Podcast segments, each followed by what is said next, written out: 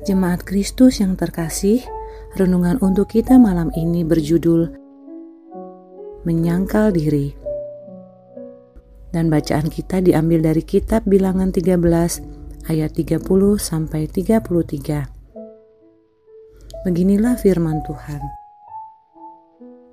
Dan Yesus berkata, Anak manusia harus menanggung banyak penderitaan dan ditolak oleh tua-tua, imam-imam kepala dan ahli-ahli Taurat, lalu dibunuh dan dibangkitkan pada hari ketiga.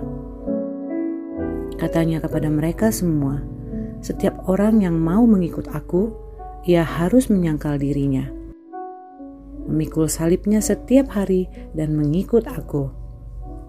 Karena barang siapa mau menyelamatkan nyawanya, ia akan kehilangan nyawanya tetapi barang siapa kehilangan nyawanya karena aku, ia akan menyelamatkannya.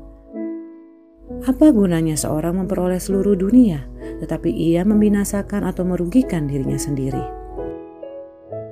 Sebab barang siapa malu karena aku dan karena perkataanku, anak manusia juga akan malu karena orang itu.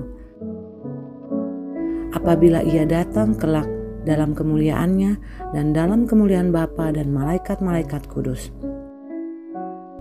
Aku berkata kepadamu, sesungguhnya di antara orang yang hadir di sini ada yang tidak akan mati sebelum mereka melihat kerajaan Allah. Menyangkal diri biasanya sering diartikan dengan meninggalkan sesuatu yang baik dan diinginkan, seperti keberhasilan karir dan kenyamanan materi, demi mengikut Kristus. Namun, banyak yang enggan meninggalkan karakter yang buruk demi mengikut Kristus. Mungkin kita pernah mendengar orang berkata, "Aku memang pemarah, itu sudah turunan, tidak bisa diubah." Atau, "Aku begini ya karena keluargaku berantakan." Keluarga, masa lalu, dan situasi bisa jadi kambing hitam ketidakmauan orang untuk berubah. Yesus sangat jelas dengan tanggung jawab personal dalam mengikut Dia. Setiap orang punya tanggung jawab untuk menyangkal diri, memikul salib, dan mengikut Yesus. Apa pun latar belakang dan situasi orang itu, ketika kita menyangkal tanggung jawab atas kebiasaan buruk kita, bukankah itu sama saja dengan berkata, "Tuhan, kalau aku disuruh berubah, aku tidak bisa ikut Engkau. Tuhan kan tahu situasiku." Kita sama saja dengan orang yang berusaha menyelamatkan diri sendiri dan menyalahkan semua yang lain, termasuk Tuhan. Kita mau ikut Dia dengan catatan kita bebas menentukan bagaimana caranya. Bukankah itu menunjukkan bahwa kita sebenarnya sedang menolak mengikuti Dia?